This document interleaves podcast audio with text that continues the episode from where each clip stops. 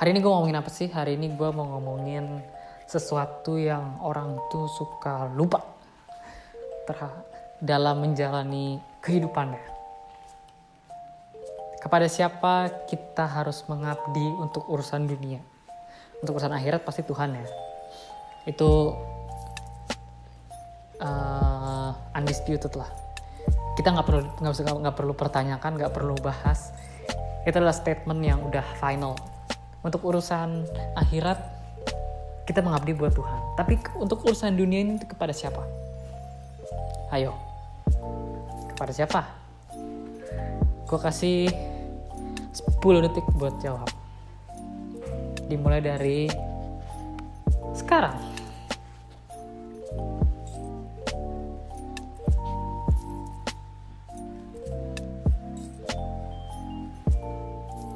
Yuk, udah 10 detik. Siapa jawabannya?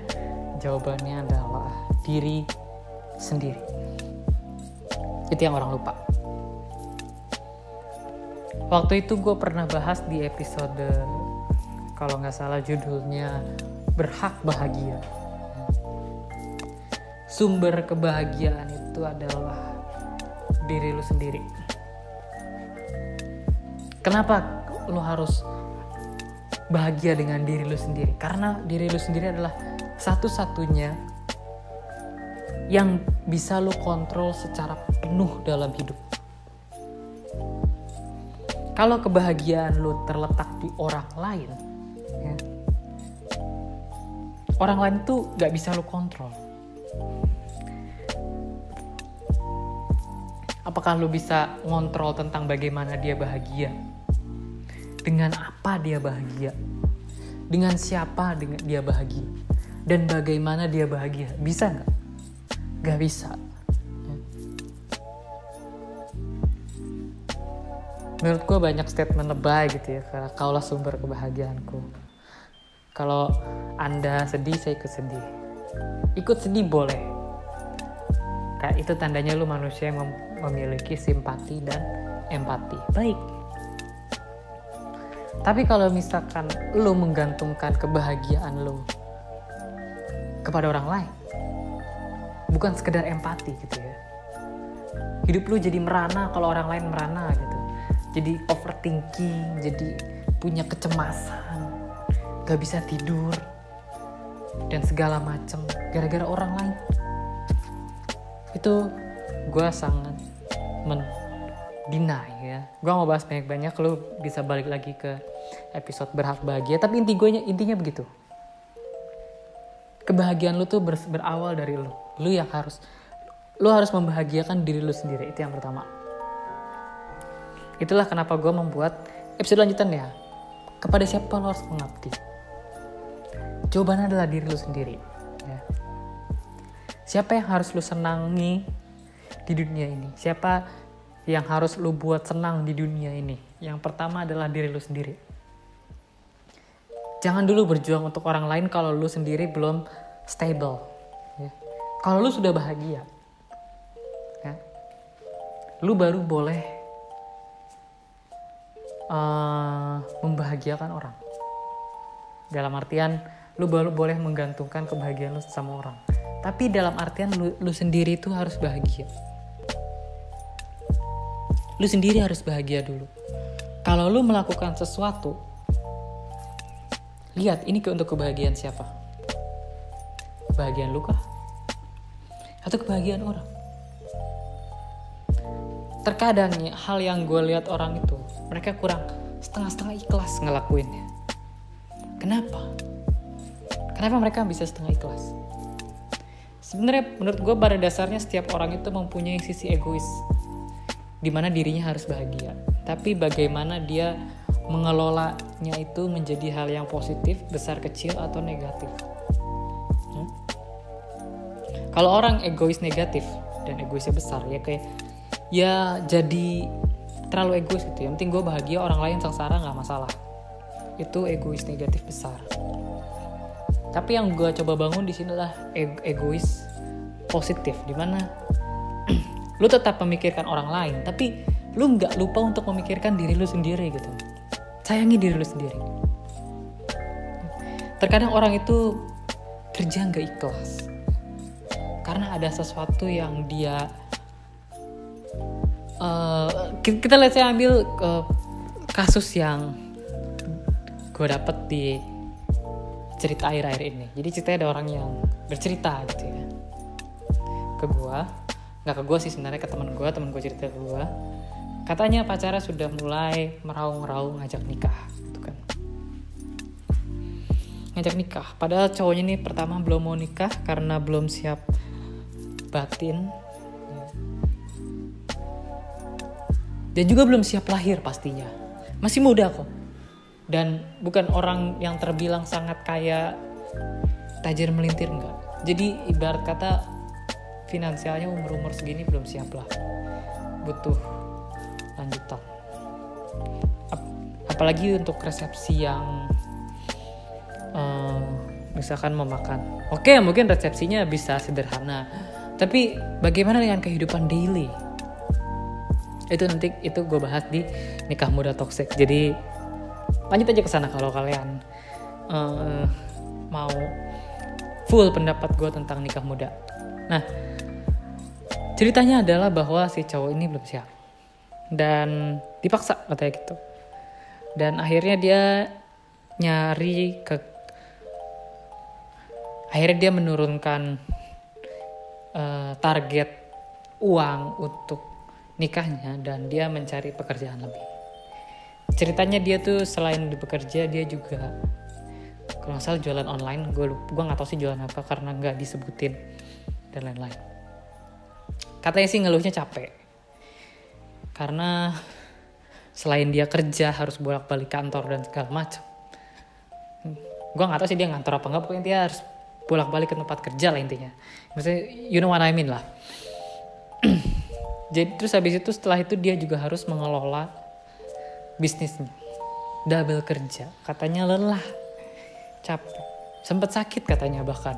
Karena waktu itu dia bilang uh, kalau nggak salah ada gue gue nggak tahu sih ada promo apa pokoknya gratis ongkir jadi dia banyak terima inian sebentar dia bekerja juga tadi bungkus-bungkus dan segala macam menyiapkan sampai akhirnya jatuh sakit ini biasanya hal yang dirasakan oleh orang yang udah agak berumur ya. Kenapa? Karena kondisi kondisi fisik menurun, tapi pekerjaan semakin banyak karena kan semakin berumur ya pangkat lo semakin naik, tanggung jawab lo makin banyak.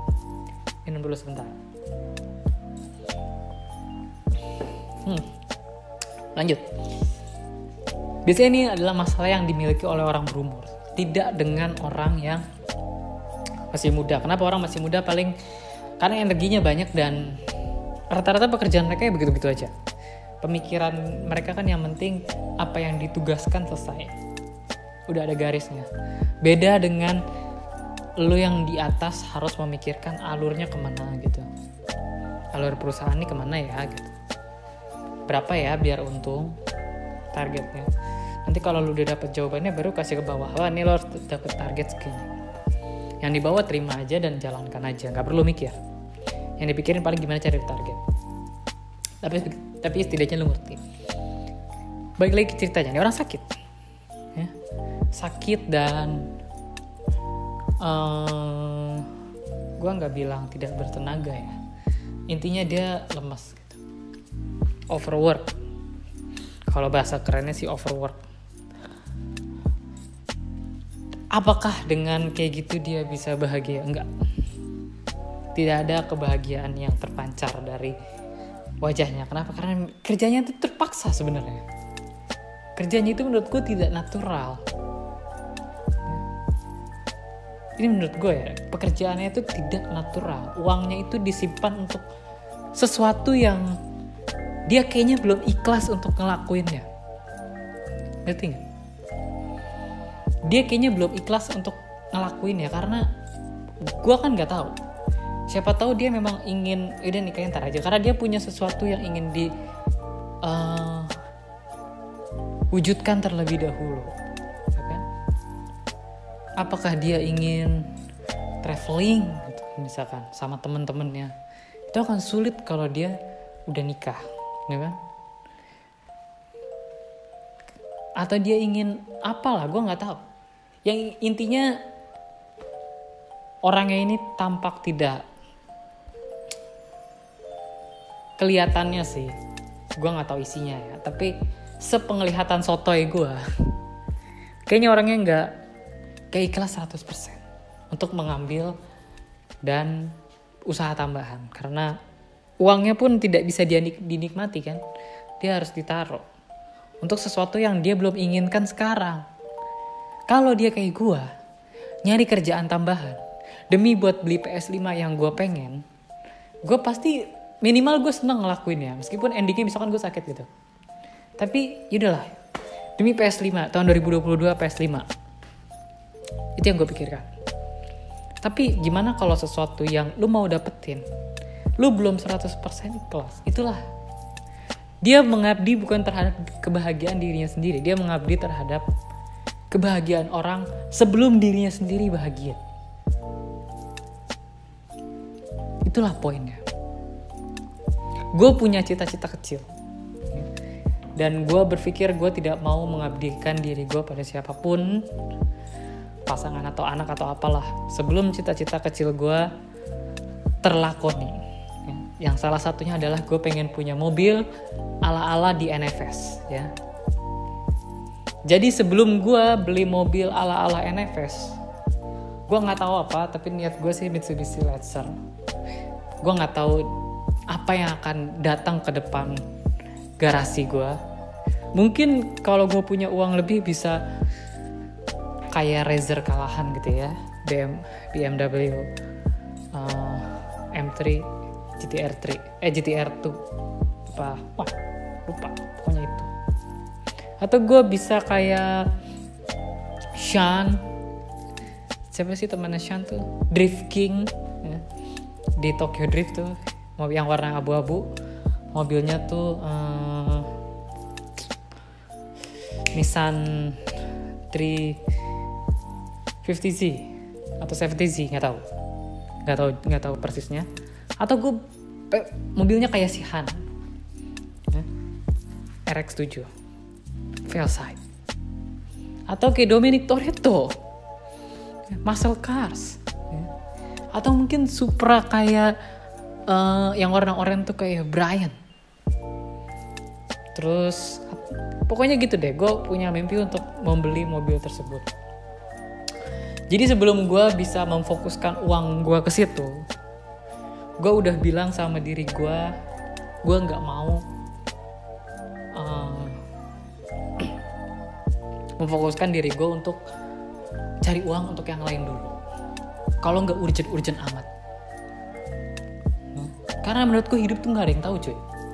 Seriusan banyak orang yang bilang ah duit kayak gitu juga bisa dicari nanti kalau udah tua. Jadi gue kawin dulu terus nanti kalau semakin tua gue semakin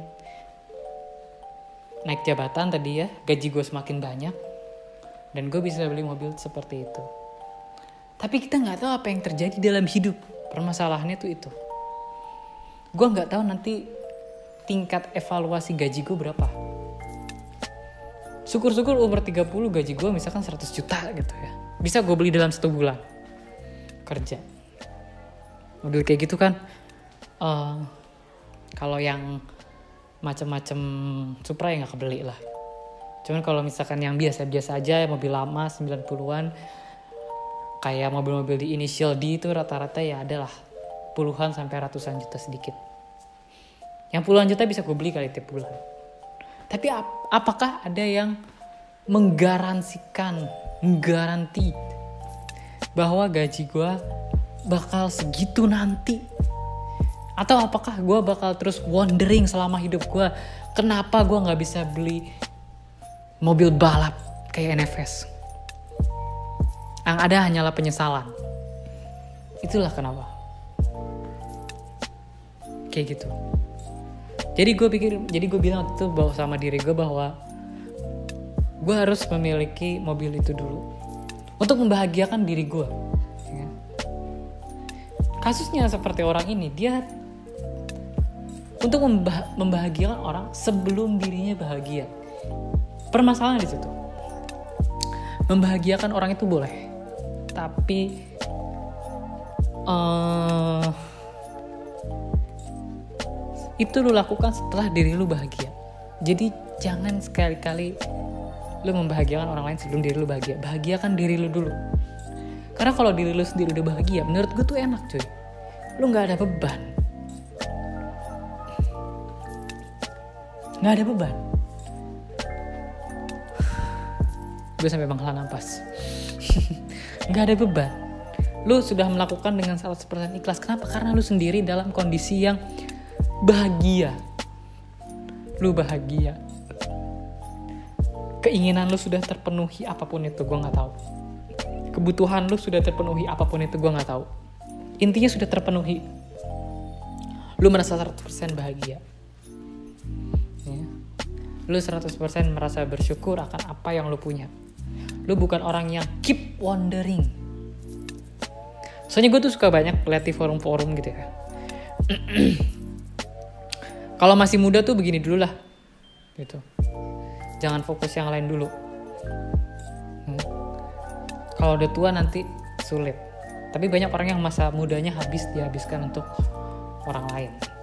Who knows? Hmm. itu yang pertama apakah ini harus tetap selalu seperti itu masalahnya? Enggak. Sama siapa pun. Temen nggak harus pacar doang temen juga. Kita nggak bisa selalu menggantung dan nyantel. Karena kita balik lagi ke episode backstabber karena semua orang itu belum tentu mereka merasakan yang sama kayak lo. Meskipun itu juga teman kalau lo ingin membahagiakan teman apakah teman ingin membahagiakan lo dan apakah itu akan terus dia rasakan selama hidupnya? Belum tentu cuy. Yeah. gue terkadang melihat orang banyak yang uh, terikat dengan seseorang. Jadi dia kayak, kayak kayak bucin tapi bukan bukan sama pacar gitu. Bucin sih sama apa pun lah. Siapa pun. Loyal lah terhadap diri lu sendiri. Karena diri lu sendiri adalah orang yang kemungkinan besar tidak mengkhianati diri lu sendiri. Memang terkesan obvious tapi itulah yang terjadi. Ya. lu tidak bisa selalu menghamba. Kita lihat saya ambil uh, hubungan atas bawah lah. Majikan sama bawahan. Kita let's say kita lihat eh, panggung-panggung politik yang sering terjadi. Anak buahnya sudah sangat setia gitu ya. Setia setia setia yang menurut gue udah ikhlas. Dalam artian setia kesetiaan gue nih bukan karena gue ditekan atau apalagi karena memang gue respect, hormat dan semacamnya terhadap atasannya.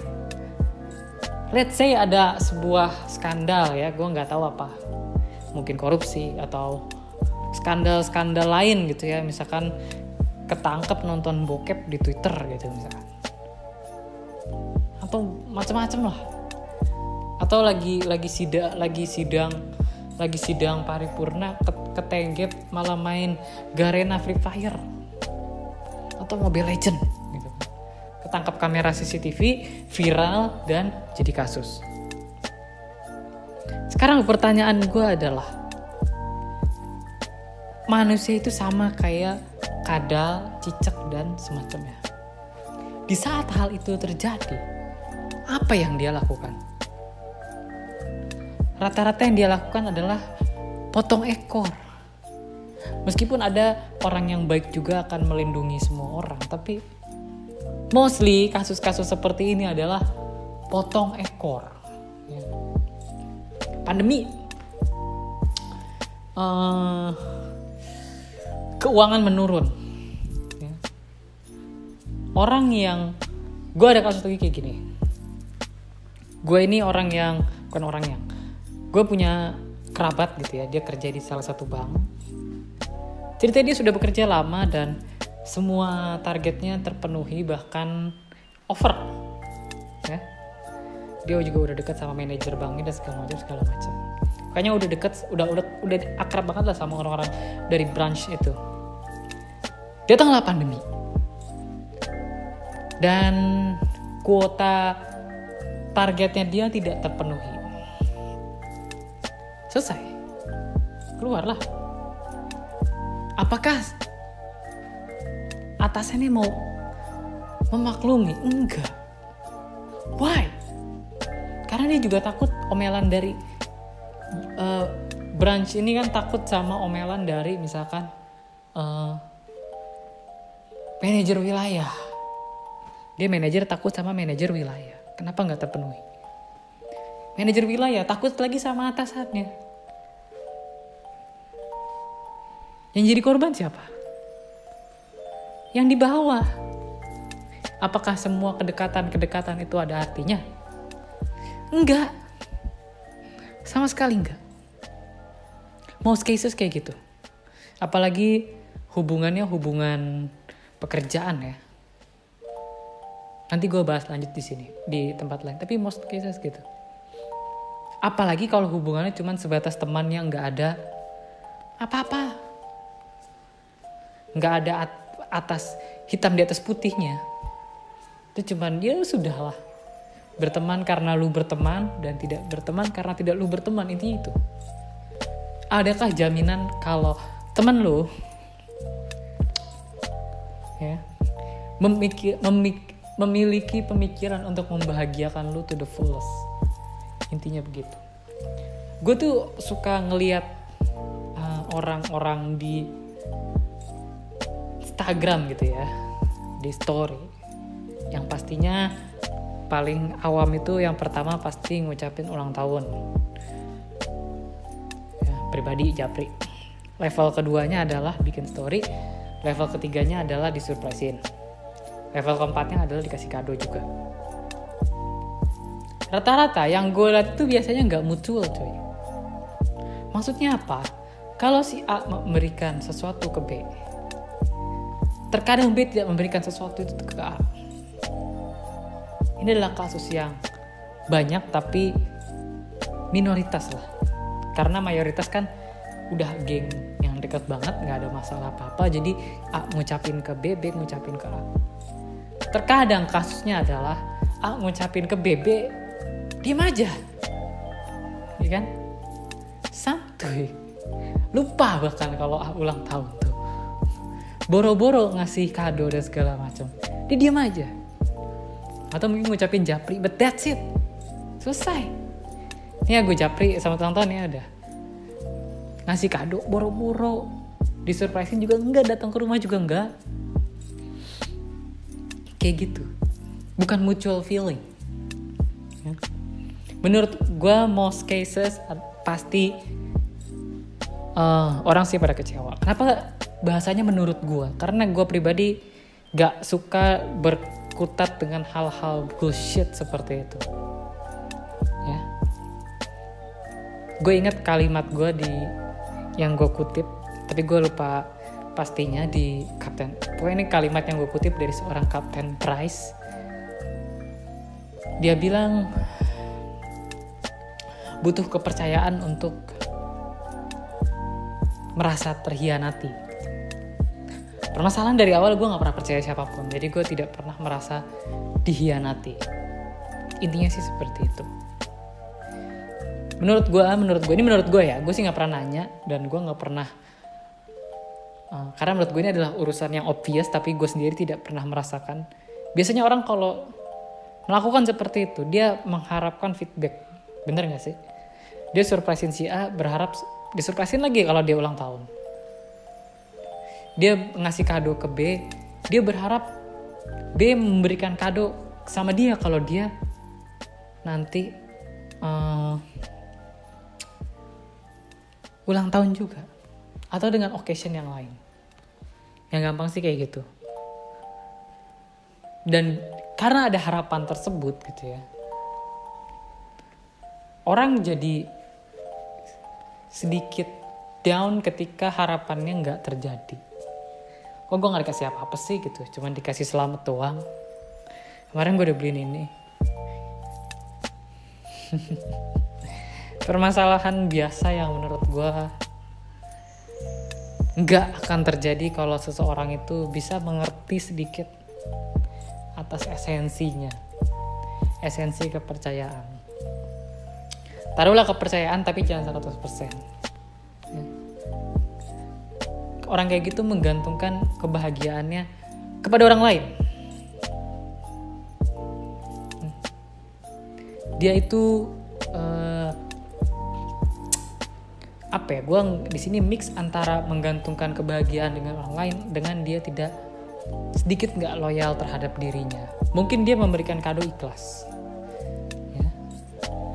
sebagai tanda dia tidak begitu loyal terhadap dirinya sendiri. Tapi dia juga membutuhkan mutual understanding di mana dia juga butuh kado tersebut gitu kan. Ini adalah se- sebuah hubungan yang menurut gue sangat complicated dan bisa di eh, selesaikan dengan mudah gitu. Caranya apa? Caranya adalah menunggu. Kayak gue gue itu menunggu. Menunggu apa? Gue itu orangnya tipe orang yang membalas kebaikan dan membalas keburukan. Kalau lu baik sama gue gue list. Lu ngasih gue kado nih gue list. Suatu saat akan gue balikin tuh kado. Maksud gue dalam artian gue akan memberikan dia kado di saat dia ulang tahun tapi kalau misalkan lu dari awal nggak ngasih apa-apa gue juga nggak nggak apa ya dalam artian gue juga nggak peduli kucing gitu loh. Karena dari awal gue memang tidak punya harapan apa apa dan gue suka gue juga suka men self award diri gue sendiri. Terkadang gue jalan-jalan sendiri untuk cari makanan mahal gitu ya. Yang dalam mahal di sini dalam artian adalah makanan-makanan yang gak setiap hari gue makan let's say gue tiba-tiba melancong gitu makan sushi. Gue baru dapet duit nih. Misalkan gue dapet duit apa gitu ya ket- ket- ketiban duit. Let's say lima ribu. Let's say lima ribu gitu ya sejuta. Udah gue besok langsung makan sushi sendiri. Gue meng-award diri gue atas kerja keras gue gue bisa dapet duit misalkan sejuta. Gue memberikan award terhadap diri gue sendiri. Yang bekerja tuh diri gue sendiri dan dilakukan oleh diri gue sendiri. Gue yang bekerja keras gue yang punya ide gue yang melakukan. Dan endingnya gue lakukan untuk siapa? Untuk diri gue sendiri. Karena karena gue loyal sama diri gue sendiri. Gue memaintain diri gue sendiri agar gue tetap bahagia. Ya kan? Tadi ya meskipun endingnya mungkin kalau lu kerja terus sakit tapi lu bahagia. Tapi ujungnya kan tetap sakit intinya itu jadi gue tetap eh, memberikan diri gue sendiri award istirahat. Itu menurut gue self award coy. Lu memberikan istirahat terhadap tubuh lu sendiri. Itu tandanya lu sayang sama tubuh lu sendiri. Gue tahu hidup gue nggak akan bisa seperti Arnold Schwarzenegger. Tapi gue tetap berolahraga. Kenapa? Karena gue meng-award diri gue sendiri agar tetap sehat. Gue eh, memberikan eh, suguhan terhadap diri gue sendiri. Kenapa gue makan sushi? Untuk memaintain kebahagiaan diri gue sendiri. Intinya tuh begitu. Ya. Nanti setelah gue bahagia seti- setidaknya gue misalkan punya duit lagi nih. Akhirnya gue bahagia gue bisa bekerja lebih keras. Let's say gue bisa dapat duit misalkan 5 juta sekarang. Baru mungkin gue bisa bahagiain orang lain di sek- di sekeliling gue dulu. Dan segala macam segala macam. Tapi intinya adalah first step adalah bahagiain diri lu sendiri. Loyal sama diri lu sendiri. Yang pertama harus lu pikirin kalau lu melakukan sesuatu benefit apa sih yang gue dapetin? Dapatkah dapatlah lu kebahagiaan atau cuma capeknya aja? Atau lu malah dapat ampasnya gitu loh sesuatu yang gak enak men jadi love yourself baru cintailah orang lain. Kalau lu nggak bisa menghargai diri lu sendiri ya, gimana? Gue tuh nggak nggak nggak habis pikir dengan orang-orang yang nggak bisa menghargai dirinya sendiri tapi dia bisa melakukan hal lebih untuk orang lain. Gue sih nggak bisa. Karena tubuh gue jiwa gue hidup di dalam tubuh ini gitu. Kalau misalkan gue tidak sayang sama diri gue sendiri ada kerusakan di bagian raga ya. Misalkan gue sakit atau apa. Atau ada kerusakan di bagian jiwa. Ada gangguan psikologi segala macam siapa yang rugi? Gua lah. Jadi please cintai diri lu sendiri. Itu pesan gua hari ini overall dan loyal terhadap diri lu sendiri. Orang yang harus lu junjung di dunia ini cuma diri lu sendiri. Di mana pun posisi lu lu harus tetap selalu bahagia. Dan sekian. Sampai bertemu di episode minggu depan. Bye